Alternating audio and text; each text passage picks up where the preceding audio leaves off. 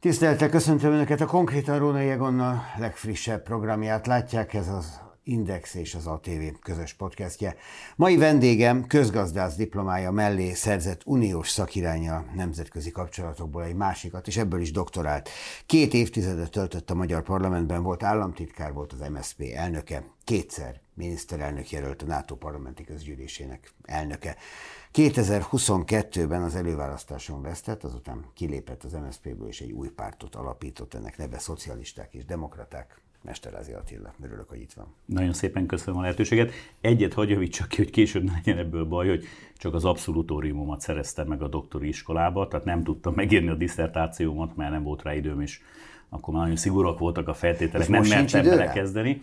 Elgondolkodtam rajta. Így édesapám mindig ezt mondja meg a szüleim, hogy kéne pótoljam, de most már annyira idős vagyok, hogy egyre nehezebben jutok oda, hogy ilyen nagy léptékű feladatot hát 49 es van, amikor az ember ilyenkor iratkozik be az egyetemre. Ez is igaz, gondolkodok rajta. Na, jó, Gondolok, ez legalább a szüleim büszkék lennének, ebbe akkor hogy ebbe bele, belevágok. Így van. Beszélünk majd a belpolitikáról is. Hm? De szerintem kezdjük azzal, aminek van belpolitikai vonatkozása, de ez a NATO és Magyarország viszonya és kérdésköre.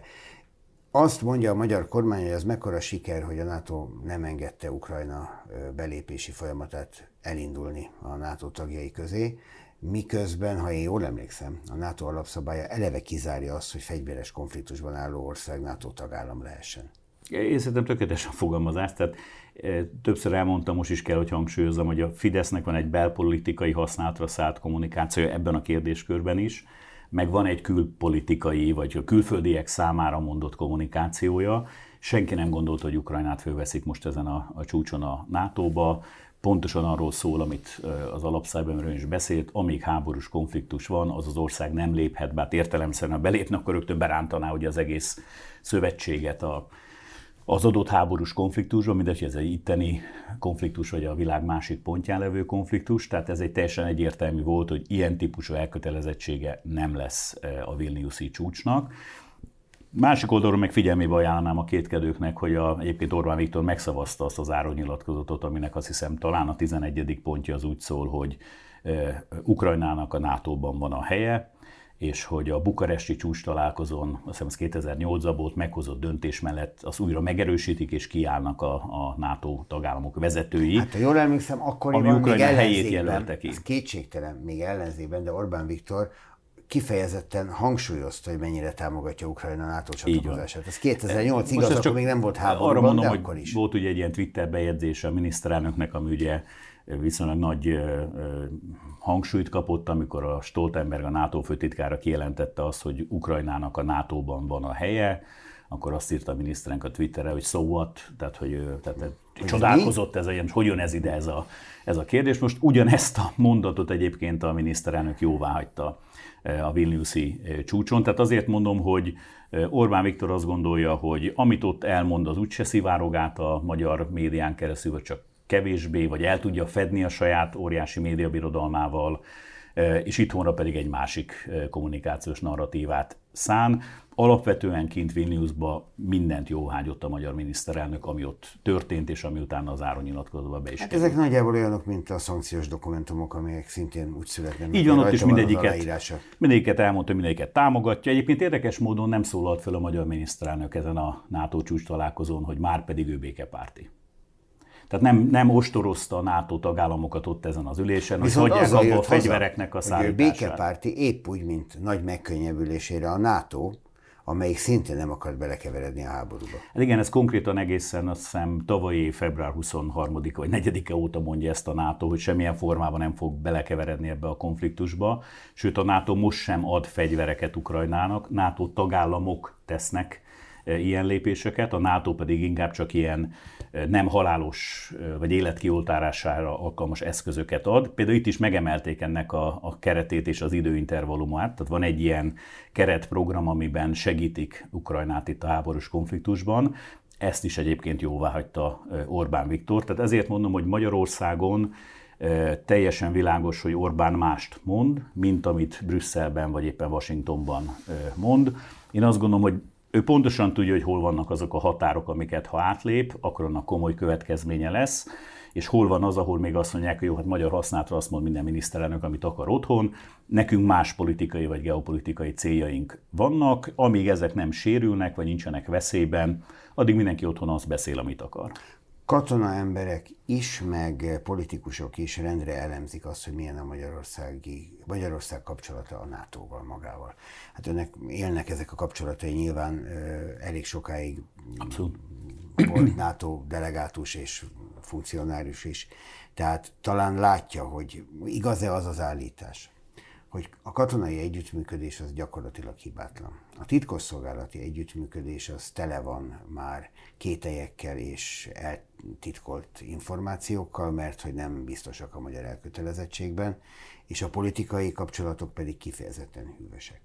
Ez a három szint, ez nagyjából Igen, én azt mondanám, hogy a katonák mindig jól teljesítettek, bármilyen NATO misszióról volt szó, vagy jelenleg is ott dolgozó katonáink magasan képzettek, tehát tényleg semmilyen panasz nincs, inkább elismerés se szólnak mindenkiről, legyen szó összekötő tisztát, aki nem a valamilyen konfliktuszónában dolgozik, vagy, vagy azok, akik effektív ott vannak katonák. Tehát ezek az emberek kiválóan képzett, nagyon jó katonák, és jól végzik a dolgokat. Ja, most már sokat beszélünk a koszovói delegációról, a Így van. Koszovóban szolgáltató Ott is sok magyar teljesít, így NATO van, szolgálatot, vannak. De emellett lehet mondani, hogy azzal sincsen gond, hogy például Magyarország már eléri a GDP 2%-át, ugye ez egy ilyen varázs száma nato belül, hogy minden országtól azt követelik meg, hogy egy ilyen 2%-os GDP 2%-át költségvédelmi kiadásokra, ezen belül ennek a 20%-át pedig fejlesztésre, tehát hogy ne a nem tudom, veteránok nyugdíjára menjen el a, a legtöbb pénz megfizetésre, tehát hogy fejlődjön egy, egy haderő, egy hadsereg, ezért van ez a második kritérium meghatározva. Magyarország ezt is eléri, tehát ha innétől nézi az ember, akkor azt lehet mondani, hogy ez egy korrekt szövetségesi viszony.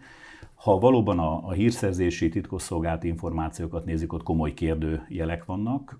Hol olyan formában, hogy Magyarország tudatosan szabadabban kezeli, vagy átadhat ilyen információkat, hol inkább a többség azt mondja, hogy esetleg olyan szintű hírszerzési tevékenység folyik Magyarországon, Oroszország vagy éppen Kína részéről, ami ellen a magyarok nincsenek, vagy nem akarnak kellő mértékben felvérteződni, ezért egyszerűen konkrétan ellophatják ezeket a, a, az információkat. És akkor inkább ne adjuk oda a inkább, inkább bizonyos, nagyon érzékeny, nagyon, hogy mondjam, sok veszéllyel járó már ha kiszivárogni az információ, ezek az információk, ezek hát nem mindig jutnak el.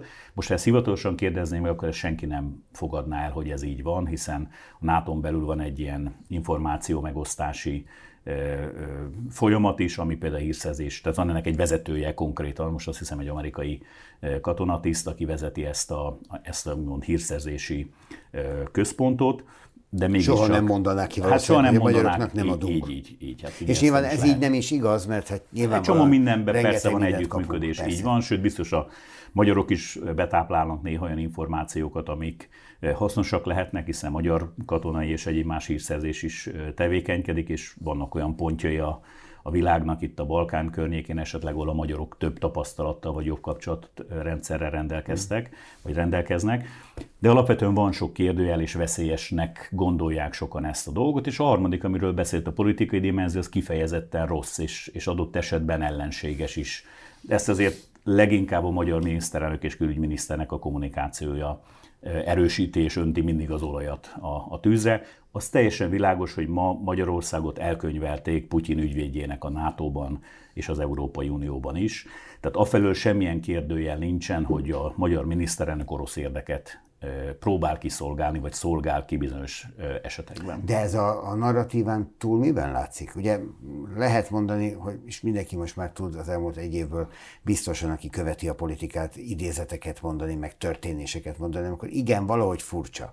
De a furcsa mondatokon Nem kicsit. túl, igen, de a furcsa mondatokon túl tesz a magyar kormányzat konkrét lépéseket, amikkel kézzel fogható, hogy az oroszok érdekét képviseli mondjuk a NATO-ban? Hát Szijjártó Péter folyamatosan tárgyal ugye orosz állami szervek vezetőivel, Gazpromnak a, a vezetője, most legutóbb itt volt Magyarországon egy orosz miniszter, ha jól emlékszem, akivel közös sajtótájékoztatón arról beszélt, hogy az oroszok milyen megbízható partnerek, és mi folytatjuk velük a partneri hát, mert jön a földgáz, jön a gázolaj. Igen, de például Németország... Nem, de a kőolaj, igen. Balti államok, Németország, azok ugye leváltak erről viszonylag gyorsan, tehát nem igaz az, amit korábban egyébként a MOL is hangoztatott, hogy 5-6 évig tartana a függésnek a megszüntetése. Látható módon ezt hamarabb ki lehet váltani, ha van rá politikai szándék értelemszerűen, hogyha egy picit így a nemzetbiztonsági szempontokat esetleg előrébb sorolják ebben a tekintetben. Milyen is. nemzetbiztonsági csorbát szenved Magyarország azáltal, hogy mondjuk a kőolaj Oroszországból érkezik most is? Ezt úgy tessék elképzelni talán, hogy ez, ez a nemzetközi rendszer ez egy háló. Sok, sok párhuzamos fut egymás mellett, és az, hogyha bizonyos helyeken ez, ez elgyengül ez a kapcsolati háló, akkor az elkezdi akadályozni más területeken is a magyar kormánynak vagy a magyar nemzeti érdeknek az érvényesítését. Tehát teljesen világos, hogy a magyar külpolitikai érdekérvényesítés az a béka feneke alatt van. Tehát ilyen gyenge magyar külpolitikai érdekérvényesítés még nem volt sohasem. E, tehát az, hogy egy kormányfőnek állandóan vétóval kell fenyegetőznie Brüsszelbe, hogy el tudjon valamit érni, tehát hogy magyarul mindig a legerősebb úgymond atombombával fenyegetőzik, hogy a többieknél valamilyen engedményeket ki tudjon csikarni, ez nem normális. Tehát normál esetben ezt a háttérben tárgyalásokon meg lehet beszélni, hiszen partnerországokról beszélünk. Látható módon ez az eszköze Orbán Viktornak nincs meg, Szijjártó Péternek még kevésbé van meg. Ebben a köztársasági elnök asszonynak szántak egy ilyen mosolygó szerepet, aki a Fidesznek a, a szebbik meg jobbik arca, szabad így fogalmazni de hát ott őról meg mindenki tudja, hogy nem ő hozza a döntéseket, hanem Orbán Viktor, tehát ez egy ilyen mosoly offenzíva az ő részéről, de valódi hatással igazából nem bír. Tehát ez azért fontos, mert egyszerűen Magyarország nemzeti érdek érvényesítése nehezül el, vagy válik nehezebbé, azáltal, hogy Orbán Viktor ilyen narratívát képvisel. Tudsz rá mondani példát, hogy mi az, amit nagyjából ilyesmik miatt nem sikerült, vagy nem sikerülhet elérnie a magyar kormánynak? Mert ugye a kormányzat pontosan a nemzeti érdekkel magyaráz minden olyan lépést, ami látszólag szembe megy a többség akaratával. Ez szerintem egy politikai kommunikációs technika, tehát az, hogy ők mivel mit magyaráznak, ez egy, hogy milyen értelemben belpolitikailag izgalmas, érdekes kérdés. Nézzel, Szijjártó Pétert azért nagyon nyugatra nem láttuk leszállni a magánrepülőgéppel. Ugye ő most már annyit utazgat magánrepülőgéppel, mint a budapestiek mondjuk, hogy az országban más a, a, a buszjáratokkal. Tehát látszik, hogy csak Kelet, vagy Latin Amerika, vagy Afrika, tehát most már elmegy egy, nem tudom, emléktáblát vele, vagy Mexikóba is egy templomon, amit magyar pénzből újítottak föl, azért ez nem igényel egy miniszteri látogatás Mexikóba, csak nem ugrott le a, a tengerparton, az által nagyon szép. Tehát magyarul, magyarul látható módon a külügyminiszternek nagyon be van határolva geopolitikailag, hogy hol fogadják egyáltalán még a, a világban, és most persze, hogy elmegy az ENSZ vagy az Európai Uniónak egy találkozók, ott beszélnek vele, mert hát ott mindenki ott van, de bilaterális találkozókat nem nagyon tud magának szervezni. Ez mutatja azt, hogy itt van egy erős korlát ebben a tekintetben, mint hogyha megnézzük, hogy kit lát, kik látogatnak Magyarországra külföldi kormányfők, akkor ez is mutatja, hogy, hogy hát azért nagyon limitált azoknak a személyeknek a száma, akik ide jönnek Nyugat-Európából. Aki megjön, az is esetleg akkor jön, amikor van mondjuk a v valamilyen értekezlete, és akkor ide érkezik mondjuk a Netanyahu, vagy ide jön rá a Macron francia elnök. Úgyhogy, de azt a formációt is egyébként szétverte ez a fajta kommunikáció, tehát sem V4-ek, hanem V1-ek vannak, mert most már talán mindenki szemben áll Orbán hát ez megint az orosz kapcsolat. Így van, ez a, ez a, a, ez a, a ez így van. És van egy-két más hely érdekesen a világban, akik hasonló álláspontot képviselnek, itt ilyen Európai Uniós NATO témát értek ez alatt.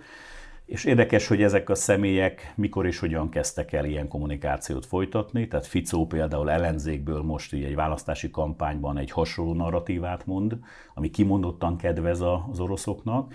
Ugyanilyenről beszél a horvát elnök Milanovic, aki korábban nagyon amerikai és euróatlanti párti volt, tehát nagy változás állt be az ő véleményükben a korábbi tevékenységükhez képest, és Orbán Viktor álláspontjában is nagy változás állt be, hiszen korábban 2008 vagy a grúziai háború esetén teljesen másképpen beszélt, tehát 2009 előtt Orbán Viktor nem látogatta. De ez az orosz Moszkvát. nyomulás, az orosz érdekérvényesítés, amit hát, látunk, vagy ez valami a, másfajta szokták mondani, ez az 1 millió forintos kérdés, hogy vajon miért változtak meg ezeknek a személyeknek az álláspontja, konkrétan 180 fokot. Ugye Orbán Viktor véleménye 2009-es Putyin elnökkel történő Szentpétervári találkozó kapcsán változott meg. Ott volt egy nagyjából egy órás megbeszélésük, tehát nem egy ilyen fényképezési lehetőség volt, hanem komolyan valamiről biztos tárgyaltak. Akkor még ellenzéki vezetőként járt ott a magyar miniszterelnök, tehát ez egy tudatosan szervezett találkozó volt. Azóta megváltozott a magyar miniszterelnök az álláspontja, és nem tudom, 10-13 szó találkozott már azóta Putyin elnöke, miközben az első Orbán kormány idén, csak érdekességképpen mondom, egyszer nem járt Moszkvában a miniszterelnök, sőt Putyin sem járt akkor Magyarországon. Akkor azért még erősebb volt az orosz ellenesség is a magyar társadalomban. Nézze, most le. önnek ezt nem Nyilván kell magyarázzam, hogy, hogy vannak. igen, de az, önnek nem kell magyarázzam, hogy az az agymosás, ami most zajlik Magyarországon a Fideszes média részéről, az természetesen változtatja a fideszes szavazóknak a, a véleményét, álláspontját Oroszországról is, és Putyinról Nyilván. is. És ez most, mivel most majd tulajdonképpen nagyjából egy éve, hanem egészen egy éve zajlik, Ebből kifolyólag azért ennek van hatása a magyar társadalomban, például Ukrajna támogatása is jelentős mértékben csökkent a magyar társadalomban, sőt, még az ellenzéki szavazók körében is, tehát ott ilyen 55-45 az arány, ami egy nagy baj, mert szerintem ebben Magyarország nem nagyon állhat más helyen, mint, mint Ukrajna mellett, és úgy látom, hogy a kollégáim is egy picit félnek ettől a témától, már az ellenzéki kollégáim, és, és inkább belesimulnak ebbe a mainstreambe, hogy inkább ne beszéljünk a háborúról, ne beszéljünk a konfliktusról, én szerintem ez helytelen. Tehát igenis világossá kell tenni, hogy ebben az igazság az hol áll kinek az oldalánál. Mit nyertünk vajon ezzel a lassan szükségszerűen véget érő, de nagyon sokáig tartó svéd NATO csatlakozás blokkolással? Hát ugye ebből találgatni tudunk, az én találgatásom az a következő. Szerintem fideszes oligarchák komoly üzleti lehetőségeket nyertek ezen. Tehát általában a Fidesz... Már Törökországban? Igen, igen. Tehát a Törökországgal? Törökországgal. Ugye Törökországban azért a politika ugyanolyan jelentős mértékben meghatározza a gazdaság működését, mint Magyarországon. Ebből kifőleg, ha jó a politikai kapcsolat, akkor politikai nyomással lehet versenyelőnyhöz, ha szabad így fogalmazni, hozzájutni. Tehát én azt gondolom, hogy ez egy politikai gesztus volt Erdogánnak, és a politikai gesztusért cserébe Magyarország, vagy Magyarországon dolgozó üzletemberek, Fideszhez közelű üzletemberek komoly üzleti lehetőséghez fognak. Nem lehet, hogy ez a svéd EU elnökséggel függ össze, ugye a Svédország soros EU elnökeként meg tudja határozni azokat a témákat, amiket napirendre hoz, és azt is, hogy azt milyen súlyjal kezeli. És hogyha a magyar téma nincs napirenden, az az Orbán kormány számára nyilván örömteli. De napi renden van. Csak hát talán nem úgy. Napi renden van, sőt napi renden is lesz. Tehát én azt kérdezem, hogy volt-e ebben a svédek felé egy zsarolási potenciál? Szerintem megpróbálkoztak ezzel, sőt megpróbálkoztak az EU felé is ezt a fajta zsarolási potenciált kiátszani, tehát hogy az EU-s pénzek akkor minél gyorsabban jöjjenek. Most ezt a csekket nem tudta Orbán Viktor beváltani. Tehát látható módon az Európai Unió nem hasonlóképpen járt el, mint korábban, egyszerűen nem engedett a, a zsarolásnak. Tehát Orbán hozzászokott ahhoz az elmúlt, nem tudom, tizenvalahány évben, hogy az EU-t meg lehet zsarolni, lehet olyan dolgokat csinálni, amik szabályt mondjuk nem szex vele, de nem illik, vagy nem szokványos, és erre azt mondta, hogy hát én pont nem foglalkozok ezzel, én használok minden eszközt, ami a kezem ügyében van, és erre az elején, ahogy látom, az Európai Unió egy kicsit, mint ezt szokták mondani, egy ilyen, ilyen klubban, ahol ugye vannak iratlan szabályok, és egyszer csak bejön egy személy, aki nem tartja be az iratlan szabályokat, és akkor jogilag kezd el róla vitatkozni, hogy ez nincs benne a szabálykönyvben, akkor miért ne csinálhatnám én meg. És valahol most az Európai Unió rászánta magát, hogy ezt a játékot nem űzi tovább, vagy nem folytatja Orbánnal. Ez nekünk nem jó egyébként. Tehát Magyarországnak, az országnak ez nem jó, hiszen az Európai Uniós forrásokra szüksége van Magyarországnak, ez nem kérdés. Egeresi Zoltán Törökország szakértő, és ő azt mondja, hogy Erdogan azért nem engedte el a török parlamentet szabadságra, ami járna nekik júliusban a hagyományaik szerint, mert abból indult ki, hogy ezen a NATO csúcson megállapodik mindenkivel, és gyorsan meg lesz a svéd csatlakozás. Ennek ígéreteként sok mindent el fog tudni érni a NATO csúcson. Sok mindent el is ért. Így van. De aztán volt egy találkozója Orbán Viktorral, és jelek szerint ott meg azt sikerült Orbán Viktornak elérni, hogy nem maradjunk utoljára. Tehát most már arról szólnak a hírek, hogy majd októberben szavaz mégis a török parlament, ami a magyar parlamentnek is időt ad arra, hogy összeüljön szeptember végén, és hamarabb szavazzon. Ezek a pici kis játékok, ezek ritkán játszódnak le a nyilvánosság előtt, tehát ennyire nyilvánvalónak ritkán látjuk a politikai taktikázást. De egyébként a hétköznapok része? Természetes, hát ez ugyanolyan, mint néha sokszor egy ilyen nemzetközi tárgyalás, majdnem olyan, mint a piacon az alkudozás, hogy mennyire veszük meg a kiló krumplit. Tehát természetes, hát emberek végzik azt is, nem, nem kérdés, de azért ennek egy, hadd mondjam, egy másik aspektusát, amit az imént idézett. Ez azt is jelenti, hogy azért Erdogán elnök fejben nem volt ott, hogy én a Viktorra megdumáltam, hogy ne ők legyenek az utolsók, és én figyelek arra, hogy nehogy ezzel én neki problémát okozzak. Ő simán tárgyalt úgy, hogy ami az ő érdeke, az a fontos, és hát ők egy nagyot, hogy most itt a magyaroknak én mit ígértem. Na jó, de a végén azért aztán a végén szóltak neki, hogy te figyelj, nem ezt beszéltük meg valószínűleg, és azt mondja, tényleg, bocsánat, akkor ezt, akkor ezt revidáljuk, ezt az álláspontot.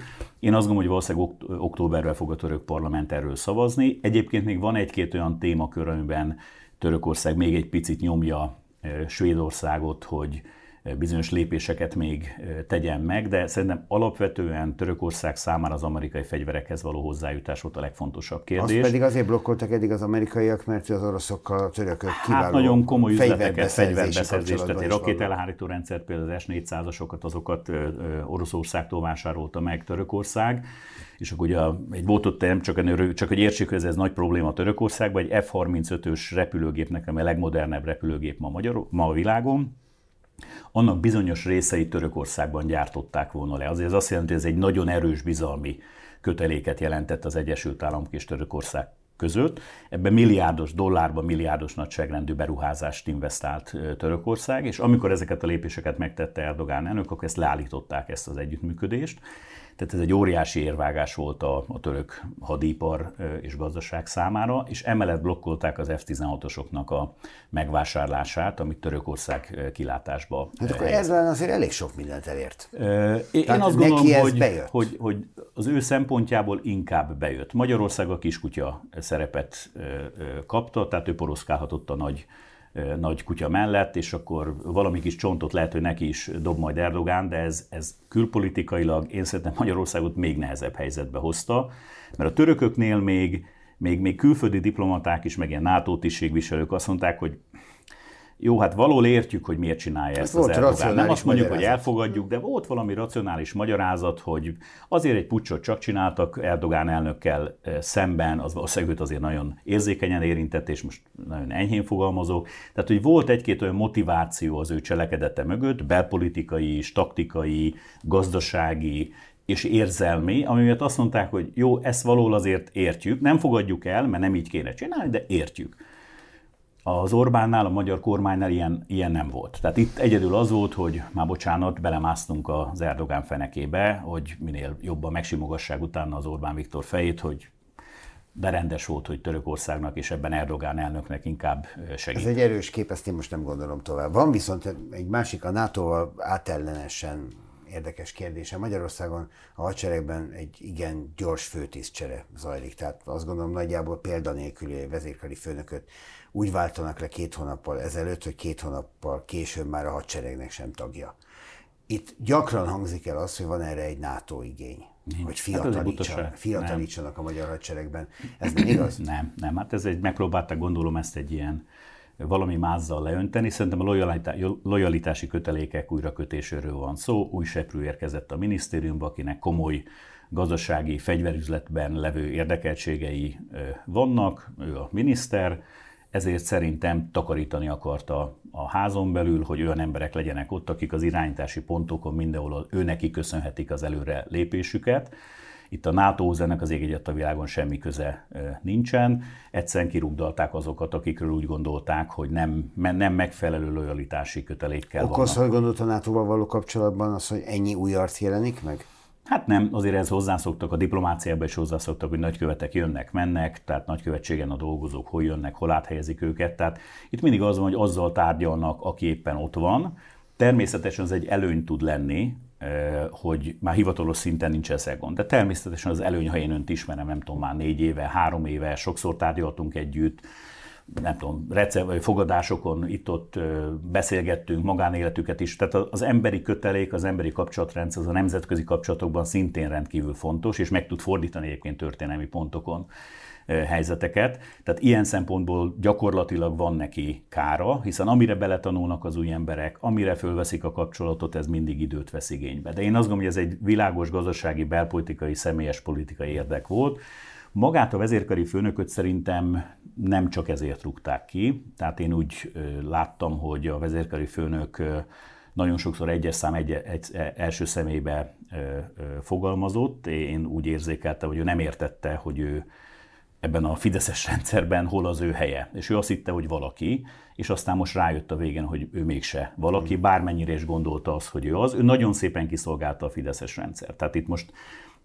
Bocsánat, én, mint ellenzéki politikus nem hullatok könnyeket azért, mert ezt a vezérkari Csak meglepő volt a gyorsasága a folyamatnak. Szerintem én, ahogy hallom a folyosói plegykákat, túl nagyképűvé vált a vezérkari főnök, már fideszes politikusok szempontjából nézve, tehát nagyon nem tudta, hogy hol a helye amikor fontos fideszes politikusokkal Azt beszél. nem tudom kommentálni, mert nem tudom, hogy Én csak én nem mondom, elmondom a, a, a, a, azt, amiről Viszont hadd kérdezzek még ezzel kapcsolatban valami, illetve a magyar haderővel kapcsolatban, Igen. az egy gyakori érv volt, ez most egy kicsit elhalkult, de egy fél éve, évvel ezelőtt gyakran hallottuk, hogy nekünk egy olyan haderőre van szükségünk, amelyik itt Közép-Európában is ütőképesnek számít. És akkor körbenéztünk a szomszédaink felé kacsingatva, hogy hát a szlovákoknál, a románok, tehát érezhető legyen, hogy itt van erő. Ehhez képest a magyar hadsereg most hol tart ebben a folyamatban, vagy mi, az ütőképessége milyennek számít? Hadd kezdjem egy kicsit távolabbról. Az egy NATO elvárás, hogy minden tagállam képes legyen a saját maga védelmére. Addig, ameddig a NATO segítsége meg. Így van, tehát, hogy, tehát azért az nem úgy működik, hogy valaki felül potyautasként erre a hajóra, és akkor nem csinál semmit, nem költ Ez valahogy úgy van a NATO doktrínában, ugye, hogy első hullámban magunkat kell megvédeni, és a második hullámot jelenti a NATO védőernyője. Így van, viszont ez azért pár napot jelent, azért nem úgy kell képzelni, hogy hónapokat kell várni, tehát a gyors reagálású hadtesteknek az erősítése most az elmúlt években, ez pont arról szólt, hogy valamilyen ilyen biztonsági kihívás éri a NATO-nak a keleti szárnyát, az alapvetően ugye a balti országok és Lengyelország tekintetében volt izgalmas, Oroszország miatt, ott minél gyorsabban tudjon a NATO reagálni, mert ugye a, a NATO erejét az adja, hogyha nem csak a fegyvereknek a minősége, mennyisége, hanem a reakcióidő is nagyon sokat számít, hiszen hogyha az oroszok megindulnának, akkor mondjuk pár óra alatt átmennének a három balti országon a földrajzi helyzet véget. Tehát magyarul fokozni kellett a, a gyorsaságot. Ez, ez azért ebben nagyon sok lépés meg is történt, még nem optimális, de nagyon sok fejlődés történt. Például Putyinnak volt egy ilyen eredménye is, hogy a NATO-nak ezeket a belső folyamatait felgyorsította. Bár nem így Nem ez volt a szándéka, tehát ebben is tulajdonképpen kudarcot vallott az orosz elnök. Tehát magyarul kell fejleszteni a, a hadsereget, de a hadsereget ugye úgy érdemes fejleszteni, hogy az a stratégiai céljainkhoz, meg a földrajzi adottságainkhoz megfelelő módon történjen. Nekem azt mondják katonai szakértők, hogy egy, helyes, hogyha Magyarországon költünk a a védelmi képességeink fejlesztésére, ez kötelezettségünk is, meg a józanész is, józanész is ez diktálja. Kettő, hogy ez nem stratégiai szempontok alapján történik, hanem vagy külpolitikai és belpolitikai céloknak alárendelve, vagy ilyen fideszes politikusok, vagy, vagy oligarchák gazdasági, személyes gazdasági érdekeinek alárendelve. Tehát magyarul a magyar haderő fejlesztése nem egy komplex rendszerként értelmezhető, hanem azért veszünk, nem tudom, németektől ezt, mert majd akkor a német kormány nem cseszteti annyira a magyar kormány. A azért veszünk a törököktől valamit, hogy legyenek jobb üzleti lehetőségeink, és hogyha vásárolunk a Pentagontól is, vagy a Pentagon engedélyével az amerikaiaktól, akkor hát ha kevésbé fognak bennünket kritizálni, mert azt mondják, hogy hát a money talks, ahogy mondják, tehát pénz beszél, ugye kutya ugat magyarul, és akkor ezzel tudjuk enyhíteni ezeket a dolgokat, de éppen ezért ez nem áll összefeltétlenül egy, egy koherens rendszer, és nem egymásra épül ez a rendszer.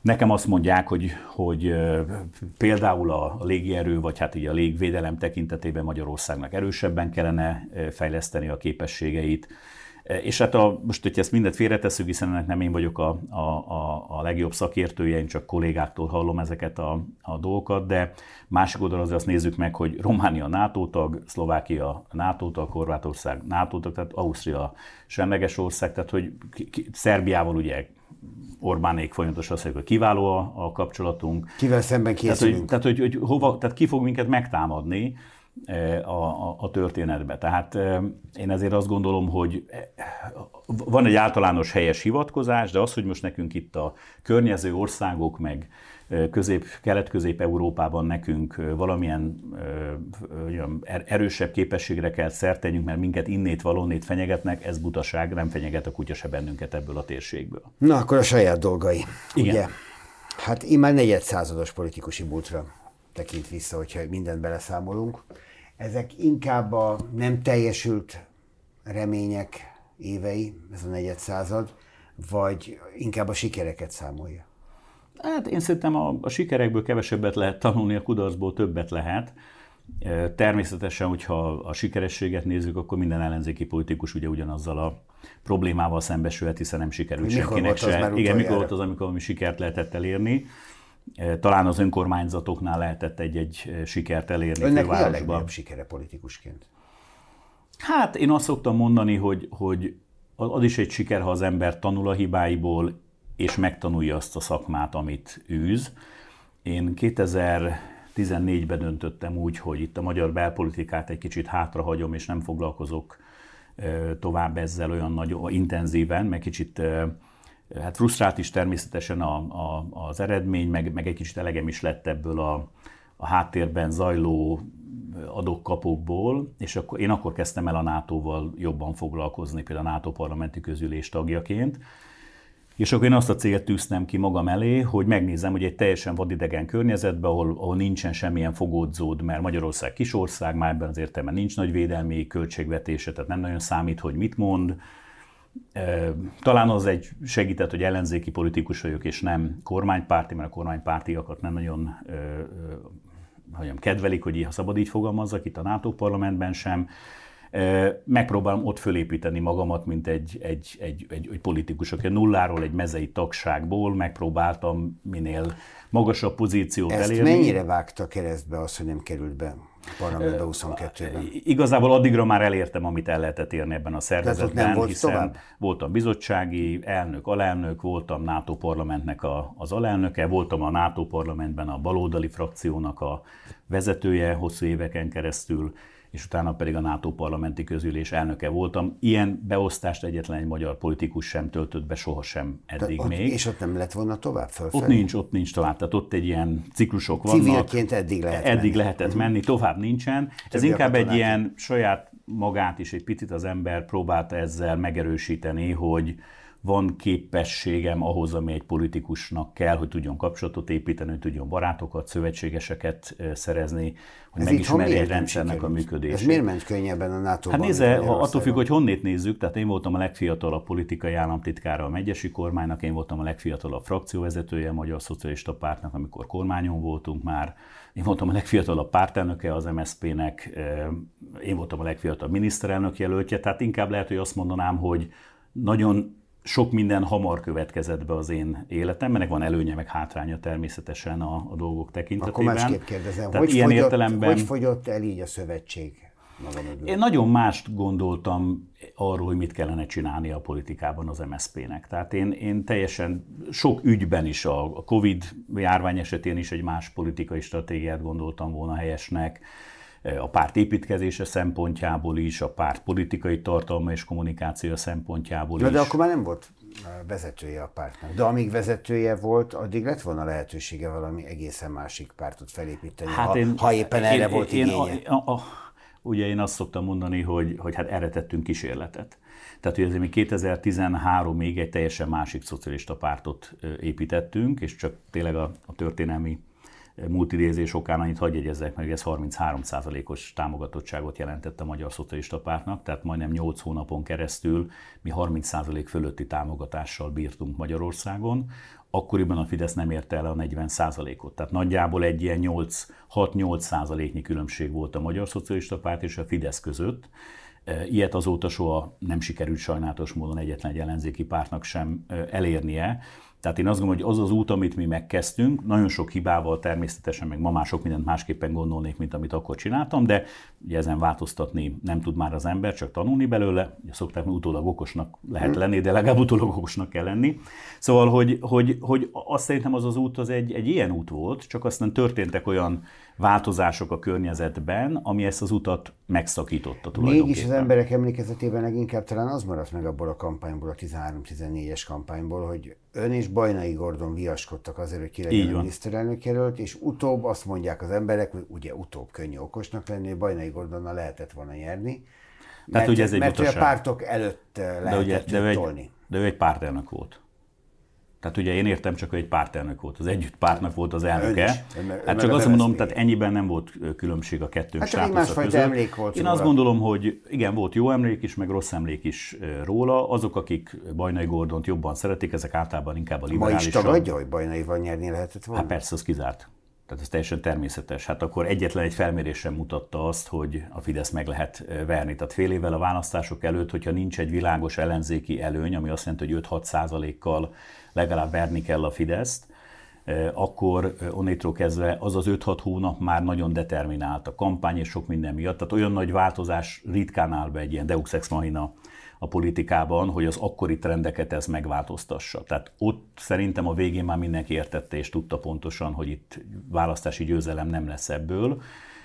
A kétharmadban bíztunk, hogy nem lesz kétharmad, de azért a kétharmados győzelmet ne felejtsük el, hogy a, ugye letartóztatták az elnök helyettesemet, Simon Gábort akkor, és az egész kampány tulajdonképpen arról szólt, hogy Simon Gábornak a pénze honnét származik, miből származik. Tehát én láttam önt beszélgetett Karácsony Gergővel, most ugyanaz a forgatókönyv ismétlődik az ő esetében, mint ami 2014-ben, a mi esetünkben, vagy az én esetemben Hát az a különbség, hogy Simon Gábor az közvetlenül lehetett kötni a pénzt, és ráadásul az nem egy magyarországi számlán landolt pénz Én most volt, a botrányra mondom, tehát, hogy, de hát a mai napig nincs ítélet. Tehát amit Karácsony Gergő mondott önnek, hogy van egy nagy politikai botrány, egész kampány erről szól, majd utána elhal az ügy, erre ez a 2014-es ügy teljesen mondjam, jó példa, hiszen 2014 óta azt hiszem elsőfokú ítélet sincs még ebben a, a, az ügyben, és azért az most már majdnem tíz éve volt. Ön úgy gondolja, hogy az a Simon Gábor ügy, az az ön saját politikai pályafutását is megpecsételte valamilyen mértékben? Hát most ki, ki szeret egy ilyen kampányban részt venni, ugye? Hogy, Jó, de utána hogy, előtt egy rossz folytatás, tehát ugye le kellett mondani, hát nézze, nem volt kötelező, de lemondott a lemond... teljes elnökség önnel együtt. Így van, de én úgy mondtam le, hogy vállaltam egy személyben a felelősséget ezért, és a frakció vezetőségemről is lemondtam, és tényleg visszavonultam a, a politikai, hogy mondjam, vezetői posztoktól, holott volt, amiből nem kellett volna lemondjak. Hát és láthatóan ez azért ott nagyon sokaknak az MSZP-n belül kapóra jött, és soha nem is engedték vissza a vezetésbe. Igazából utána én már hogy mondjam, egy pár évig még ott kicsit aktívabban vettem ebben a rész, hogy segítsek, támogassam valamilyen formában a vezetést, de aztán utána, amikor nagyon rossz irányt vett, akkor természetesen tettem arra kísérletet, hogy ezt korrigáljuk, már abban az értelemben, hogy egy másik stratégiát ajánljon az ember a, a Magyar Szocialista Mitől rossz az irány? Hát nézd, én egy sokkal láthatóbb, meg bátrabb politikában gondolkodok, és amelyik sokkal világosabban ragaszkodik a szociáldemokrata értékekhez. És valahogy a, a social media, a Facebook és egyéb másnak az eszközét is egy kicsit hatékonyabban kellene kihasználni, mert való igaz, hogy nehéz üzenetet eljuttatni egy ilyen ellenszélben a, a, a, a Fidesz okán a választópolgárokhoz, de az, hogy nincsen semmilyen eszköz, ez nem mondható, hiszen van a, ez a social médiás eszközök, de vannak olyan ellenzéki, vagy legalábbis a kormánypárttal vitában álló, kritikai attitűd szempontjából vitában álló orgánumok, akik azért folyamatosan kritizálják a, a Fidesz kormány tevékenységét, tehát vannak azért olyan eszközök, amik használhatóak lennének. Én Na de mi picit, a tartalmi probléma picit az úgy érzem, hogy... és mind kellett volna Én most nem akarnék az MSZP-ről beszélni, ez azért, engedi, mert, hát ez azért mert, érdekes, mert nyilván most azért csinál egy Azt már elmondtam pártot. viszonylag sokszor. Tehát én azt gondolom, hogy a szocialisták és demokraták, amit én alapítottam Szakács László volt képviselőtársammal közösen, mi azt gondoljuk, hogy le kell vonni a tanulságokat abból, ami történt a legutóbbi választásokon. Szerintem ezt az ellenzék többsége megúszta ezt a feladatot, és mindent ugyanúgy csinálnak tovább, ahogy De eddig. mi a tanulság? Az a tanulság, sok tanulság van, de egy tanulság biztos, hogy van, hogy az az állítás, hogy a fidesz senki nem ért egyet Magyarországon, és semmilyen politikája nem jó, semmilyen formában sem, és itt tulajdonképpen valami csak a, a technikai problémák, a választási rendszer, a forráshiánya, a, a nem tudom, egy-egy kommunikációs hiba a miniszterelnök jelöltnek a többször téves adott esetben, vagy kihasználható, már Fidesz részéről kihasználható kommunikáció, ez vezetett ehhez. Szerintem szembe kellene nézni azzal, hogy a Fidesz bizonyos szempontból jobban ismeri a magyar társadalmi lélektant, mint ahogy ezt az ellenzéki politikusok ismerik. Ezért vannak bizonyos olyan döntéseik, amelyek szimpatikusak az emberek számára. Tehát e, ezért mi például azt mondjuk, hogy mi balközép szociáldemokrata politikát képviselünk, de mi a nemzeti érdeket és a nemzeti szuverenitást fontos ügynek tartjuk. Tehát mi baloldali politikusként büszkék vagyunk, büszkék akarunk lenni arra, hogy mi magyarok vagyunk. Vannak olyan témák ezek és most hát, igen, meg így tudnának van, egyezni így van. a fidesz hát most az, ezt most hagyjuk ezt, mert ha kiejtjük azt a szót, hogy megegyezünk a fidesz akkor mindenki rögtön rosszra gondol. Nem erről beszélek. Arról beszélek, hogy vannak olyan helyzetek, amit ők szerintem a magyar emberek gondolkodásmódja szempontjából helyesen mérnek föl, hogy erre igény van most, ha bocsánat, hogy ilyen profánul De ön is úgy gondolkozik, vagy érzi ezt az igényt, és meg akar ennek felelni, mert az nem mindegy. Nem, én azt gondolom, hogy ez egy helyzet Magyarországon. Tehát én szerintem a magyar emberek többsége büszke arra, hogy magyar. Igenis fontos számukra, hogy a nemzeti érdeket reprezentálják a, a politikusok. Hát nem véletlen, hogy miről szól a Fidesz kampánya, a külföldről fizetik a az ellenzéki politikusokat, és tulajdonképpen az ő érdeküket képviselik. Bezzeg a Fidesz, az bezzeg a magyar érdeket képvisel. Tehát az, hogy valaki egy nemzetnek a része, az majdnem tulajdonképpen egy vele született dolog, ha szabad így fogalmazni. Úgy növünk föl, hogy magyarok vagyunk, hogy a himnusz, a magyar kultúra, stb. stb. szeretete hogy azért beleivódik általában az emberekbe. És ezzel a témával nem foglalkozni, szerintem az, az, az politikai stratégiai bűn, ezért mondjuk mi azt, hogy mi annak ellenére, hogy ez kisajátítja a Fidesz, mi azt gondoljuk, hogy akkor is kell ebben eh, hogyan politikai lépéseket tenni, és a nemzeti érdeket lehet sokszor másképpen definiálni, sőt, sokszor másképpen kell definiálni, mint hogy az Orbán kormány ezt teszi. De az, hogy ezt elengedjük ezt a témát, és hogy nem beszélünk, és ez nem a határon túli magyarok, mert mindenki azt hiszi, hogy ha nemzeti érdekről beszélünk, meg nemzeti szuverenitásról, az csak a határon túli magyarokat jelenti, nem, én általában értem ezt a politikára. De, de ez mennyiben mondanám, szocdem? Ugye az a rövid nevű kis hát, szocdemek, meg hát ezt, Hát az, al- az alapja a szociáldemokráciának tulajdonképpen ez volt, hogy hogyan lehet ezeket a nemzeti szuverenitási kérdéseket, hogy lehet ezeket a nemzeti ügyeket képviselni. Én Tehát ez teljes úgy emlékeztem, mértékben, hogy egyfajta internacionalizmus volt az egy, az alapja. Az, így van, az, hogy van egy nemzetközi együttműködés, mi is azt mondjuk egyébként, hogy Magyarország nemzeti érdekét egy nemzetközi együttműködés, egy multilaterális együttműködésen belül lehet a legjobban érvényesíteni, beleértve az euróatlanti kapcsolatainkat és szövetségesi rendszereinket. Tehát van egy-két olyan pont, mi például ugye elmentünk Kijevbe. Az első külföldi utunk, ami mindig egy picit szimbolikus egy politikai párt részéről, mi azért mentünk Kijevbe, azért tárgyaltunk ott Szakás Lacival, kievi vezetőkkel, politikai vezetőkkel, elnök, Zelenszky elnöknek a tanácsadóival, mert akartuk azt mutatni, demonstrálni, hogy egyrészt nem félünk elmenni Kievbe, és megnézni, hogy ott hogyan élnek az emberek, milyen veszély, fenyegetettség keretei között élnek. Amíg ott voltunk, volt egy rakétatámadás, volt egy dróntámadás, emberek haltak meg Kievben, tehát nem nagyon sok veszélyel teli, hogy ezek az emberek ott élik a hétköznapjaikat. A másik pedig volt egy morális kiállás amellett, hogy az az igazság, amit Ukrajna képvisel ebben az ügyben, és nem az az igazság, amit a miniszterelnök vagy Oroszország akar ebben erről beszélni. Vagy például találkozhattam a pápával, én írtam a Vatikánnak, azt kértem tőlük, hogy hadd találkozhassak valamilyen formában a, a pápával, erre biztosítottak lehetőséget, volt egy rövid lehetőségem egy pár mondatot váltani vele, írtam neki egy levelet, írtam az itteni Ez vatikáni... történt? Így van, amikor itt volt a, a pápa Magyarországon, itt volt, találkoztam a, a Szakás Lászlóval voltunk a pápai nunciusnál egy megbeszélésen a, a múlt héten, tehát próbálunk ebben is nyitni egy picit, a, így a vallástól, a vallásos emberektől is egy picit a baloldal talán inkább kevesebbet foglalkozik ezzel a kérdéssel. Direkt nem a magyar katolikus egyházhoz vagy a magyar egyházhoz fordultunk, mert azt gondoljuk, hogy lehet, hogy egy kicsit bonyolultabb a érzésű, hívő szociáldemokratákról beszélünk. Én nem azt mondom, hogy hívő, Milyenek még a én, én, azt mondom, én azt mondom, hogy vannak olyan területek, ahol a, amit a Fidesz egyszerűen lefoglalt, és, és sértésnek veszi, hogyha oda bárki megpróbál csak a lábát is betenni én bocsánat, hogy lehet, hogy nem jól fogalmazom, én dacolni szeretnék ezzel, tehát hogy igenis, mi, és a, mi, mi szeretnénk ezeken a területeken is bebizonyítani azt, hogy lehet más hozzáállással Hányan is vannak? folytatni ezt. Több százan jelentett, 250-300 ember a, a honlapunkon már bejelentkezett hozzánk, de most ugye arra várunk, hogy végre legyen bankszámlánk, végre tudjunk szerződést kötni, például az MTI-vel, hogy tudjunk közleményeket kiadni. Tehát ilyen értelemben talán szerintem szeptembertől tudunk egy ilyen kvázi pártszerű működést A pártnak csinálni. megvan már az engedélye? Az igen, beegyezték, tehát az rendben van, csak... Hát akkor a bankszámla az egy nap, gondolom. Nem, most már két hete küzdök az egyik bankkal, mert nehezen értik azt meg, hogy mi nem vállalkozás vagyunk, hanem egy úgymond civil szervezet, hát egy párt. másik bankhoz. És, Honnan lesz pénz? És, és hát ezt nehezen tudjuk átlépni, ezt az akadályt, nincs a pártnak tulajdonosa például, meg, meg ilyenek. Tehát magyarul... Részvényese lehet?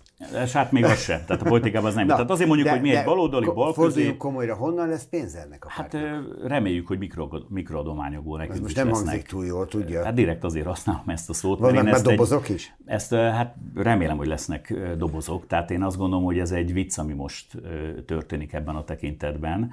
Úgyhogy itt egy tudatos politikai megosztási kísérlet van a Fidesz részéről. Én nagyon javasolnám a az ellenzéki kollégáimnak, hogy ebbe a zsákutcába tovább ne haladjanak előre. Tehát, hogyha fontos nekünk az, hogy, hogy sikereket érjünk el az önkormányzatokban legfőképpen, akkor szerintem az ilyen ékverési, meg, meg egyéb más kérdésekben az ellenzéknek okosabban kell eljárnia. Tehát van egy politikai vezető, lehet vele sok mindenben másképpen gondolkodni tartalmi ügyekben, de amikor egy világos támadás zajlik, akkor szerintem össze kell zárni, és inkább segíteni és támogatni azt az illetőt. Azért is kérdeztem, hogy honnan lesz ehhez pénz, mert amikor megjelenik egy új alakulat az ellenzéki oldalon, akkor nagyon gyakran a már jelenlévők azt szokták mondani, hogy hát a Fidesz kreatúrája, majd a Fidesz finanszírozza. Hát persze, hogy azért szoktam ezzel mindig röhögni, mert ilyen értelemben van kettő és fél párt akkor, amit ezek szerint a, nem csak, tulajdonképpen csak egy párt, amit nem a Fidesz finanszíroz, mert az a rendszerváltás óta van. Tehát, hogy van a Fidesz, a KDNP, meg az MSZP, amelyik ugye a rendszerváltás óta létezik, az összes többi pártot azóta hozták létre. Tehát ilyen értelemben akkor bárki, amikor adott pillanatban létrejött, akkor az mindig természetesen De azért érti, mit mondok, a Fidesznek az érdekét már szolgálja. Hát azért mondom, hát mindenkiről nagyjából elmondták. Én azt gondolom, hogy, hogy ebben a tekintetben ez egy hogy olyan téves gondolat. Tehát én azt látom, hogy azok a pártok, amelyek létrejöttek, azok valahol mindig azért jöttek létre, mert akik létrehozták, azok nem találták meg az akkori párt palettán a, a számukra legkedvezőbb vagy legkedvesebb verziót. Én De is azért nem bizonytalanítja egy... hogy vannak példák, amik azt bizonyítják, hogy ez mégiscsak így lehet. Tehát most a Volner párt most Hát de most egyet. mondom a Momentumot, vagy mondom a párbeszédet, hát vagy én meg mondom mondok más, a, a DK-t. Hát, hát igen, vannak ilyen példák, meg vannak olyan példák, a történetben. Tehát van olyan is, ami nem sikerült, tehát létrehoztak új pártot, aztán nem lett belőle semmi, meg van olyan is, aki, amelyik párt sikereket ért el. Tehát én azért hoztam létre, vagy azért gondolkodtam ezen a Lacival, mert az MSZP-ben úgy éreztem, hogy nem érzem már jól magam, és akkor olyankor illik az embernek azt mondani, hogy most már szinte majdnem semmiben nem értünk egyet, a, mondjuk egy baloldali ideológiát leszámítva, akkor, akkor venni, veszi az ember a kalapját. A, a, a gyurcsány pártba pedig én, én nem, nekem az túl liberális, amit a, a DK gondol gazdaságpolitikáról, egy-két más kérdésről. Ezért választottam egy rögösebb utat. Hát gondolhatja, hogy nekem is egyszerűbb lett volna, meg a Szakás Lacinak is egyszerűbb lett volna a DK-ban maradni, már DK politikusai között, nekem az MSZP, azt várni, várni, aztán hát, ha egyszer majd négy év múlva mégiscsak az Na de ebből meg lehet élni, valaki pártot alapít? Hát abból megérni nem lehet, ebbe ugye pénz kell beletenni értelem szerűen. Most azok, akik ezt alapították, azok alapvetően társadalmi munkába végzik a, a, a munkájukat. Tehát magyarul természetesen abban reménykedünk, hogyha vannak politikai sikereink, akkor lesznek olyanok, akik támogatni fognak bennünket, természetesen a magyar jogszabályoknak a betartásával. Mi lehetne egy politikai siker? Hát mi ugye a következő választásokra készülünk, már az országgyűlésére, ez azt jelenti, hogy mi egy parlamenti párt szeretnénk eh, lenni. Tehát 24-ben ne is egy... önöket a listákon? Ö, most az európai parlamenti, választáson. az európai parlamenti választáson szeretnénk elindulni, mert ez egy nagyon nagy lehetőség, hogy az ember megmutassa saját magát már a politikai pártot értem ez alatt. Rajtunk nincsen nyomáskényszer, mert mondjuk egy durván 10 hónap alatt azért nagyon nehéz hatalmas százalékokat elérni, tehát a nullától eltérő százalékot érünk el, akkor már boldogok leszünk. De szeretnénk kihasználni ezt a lehetőséget, hogy el tudjunk indulni. Azért ez logisztikailag egy komoly feladat, hogy az ember összegyűjtse az aláírásokat és el tudjon indulni. És aztán természetesen mi úgymond forgatókönyvünk, meg lépéstervünk az a következő országgyűlési választásokig van megtervezve. Mi úgy döntöttük, hogy úgy döntöttünk, hogy három évet teszünk az életünkből még erre, hogy egy olyan ideológiát, olyan politikai pártot képviseljünk, vagy azért harcoljunk, amiben száz százalékban hinni tudunk, és nem kell ilyen tip, belső kompromisszumokat megkötni az ideológia és az értékrend szempontjából. Ugye voltak, akik azt szokták mondani, hogy van, aki lecseréli az értékrendjét, meg az ideológia helyett egy párt érdekében, van, aki meg a pártját cseréli le egy ideológia és értékrend érdekében, mi a második kategóriában vagyunk. Tehát magyarul mi az értékrendünk maradt, csak mi ezt egy más politikai keretrendszer között szeretnénk képviselni, és egy kicsit bátrabban megszólalni. Én például egyetlen nem értek egyet azzal, ami történik például ezekkel a külföldi finanszírozásokkal kapcsolatban. Tehát Bocsánatot kérek, Orbán Viktort Soros György finanszírozta, amikor megalakult a Fidesz. Az alapinfrastruktúráját Soros György vásárolta nekik. Oxfordba tanította a fideszes politikusokat.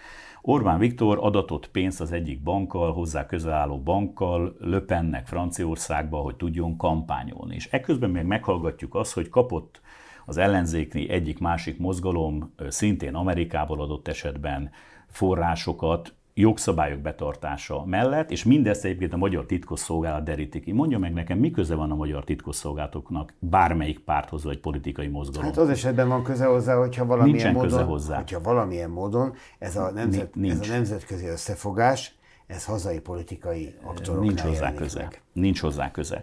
Az, az ásznak van köze, a NAV-nak van köze, hát az ügyészségnek van köze. biztonsági kérdés az, hogy egy politikus működését hogy befolyásolják külföldről. De akkor arról kell beszélni, hogy valamilyen formában befolyásolták. Ugye amikor valaki ellenzékben marad, akkor ugye nagyon sok mindenben nem tudták befolyásolni. Az szerintem egy botrány egyébként, hogy a magyar politikai pártokat a Rogán, Rogán Antal által irányított titkosszolgálatok elkezdik vizsgálni. Hát ebben Romániában buktak bele politikusok, hát Magyarországon ebben Rogán nem fog belebukni, Na de a propaganda miniszter, már az egy vicc magunk között szólva, az irányítja a titkosszolgálatokat, óvatatlanul fölmerül az a hát kérdés, hát a, hogy szolgál a esetleg... a lényeg, nem? Tehát a propaganda hát, és a hát Pont ez a baj, hogy, hát, hogy óvatatlanul fölmerül a kérdés, hogy, hogy politikai, pártpolitikai érdekeket szolgál-e az az utasítás, amit kapnak ezek a, az emberek, és elkezdenek politikai mozgalmakat ö, ö, vizsgálni, és arról jelentést készíteni, azt nyilvánosságra hozni, tehát óvatatlanul a titkos szolgálat az egy politikai szereplővé válik, amit fölhasználnak a fideszes politikusok egy ilyen kampányba. Legutóbb nézze meg a fideszes politikusoknak a nyilatkozatait. Szerintem van, aki véletlenül már elmondta, miről fog szólni a jövő választás. El fogják mondani, hogy amit ön is mondott, mi idegen szívűek vagyunk, külföldről finanszírozzák Háború őket, pártiak. külföldi érdeket képviselnek. Egy, kettő. Háborúpártiak vagyunk, migránspártiak vagyunk, gender kérdéseket be fogják hozni, hogy akkor mi mit az LMBTQ közösségpártiak vagyunk, és nekünk nem számít a magyar kultúra, meg a magyar nemzet, meg a magyar nemzetés semmilyen formában sem. Erre az ötre kellene szerintem készülni az összes ellenzéki pártnak. Mi erre készülünk, hogy ezeket a kérdéseket hogyan lehet vagy semlegesíteni, vagy szembe menni ezzel, és ebben egyébként tartalmilag, még akkor is, hogyha versengenek egymással bizonyos tekintetben az ellenzéki pártok, kellene, hogy együttműködjenek, mert hogyha nem közösen lépnek föl, vagy hasonló argumentációval, akkor bizony ugye ez elveszik a térbe, mert senki nem tud akkora erőt képviselni a médiában, hogy egyedül áttörje ezt hát a Fideszes úgy lehet falat. éket verni a legkönnyebben, hogyha különböző mondatokat. E, így van, tehát én azt gondolom, hogy most nem az... Ezt láttuk a tavalyi Az, ön, az önkormányzati választásokon mi nem akarunk elindulni, egyrészt tudjuk, hogy hol a helyünk, tehát hogy még az nagyon kicsik vagyunk, hogy mi ebben nagyon komoly téttel rendelkezünk. Lehet, hogy lesz egy-két olyan jelölt, akit mi is ajánlunk, vagy, vagy, vagy indítani szeretnénk, de akkor csak, hogyha van komoly esélye ott helyben a győzelemre, és más helyeken pedig támogatnánk alapvetően a már úgymond kialakult jelölteknek a szemét, hiszen az a lényeg, hogy minél több helyütt az ellenzék sikeresen vegye be ezeket a, az önkormányzatokat, hiszen nincs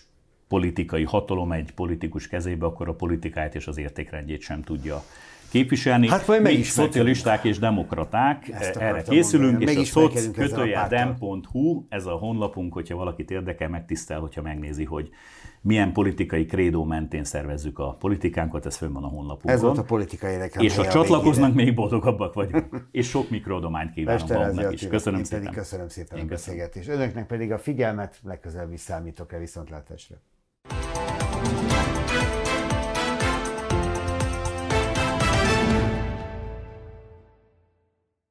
A műsor a Béton partnere.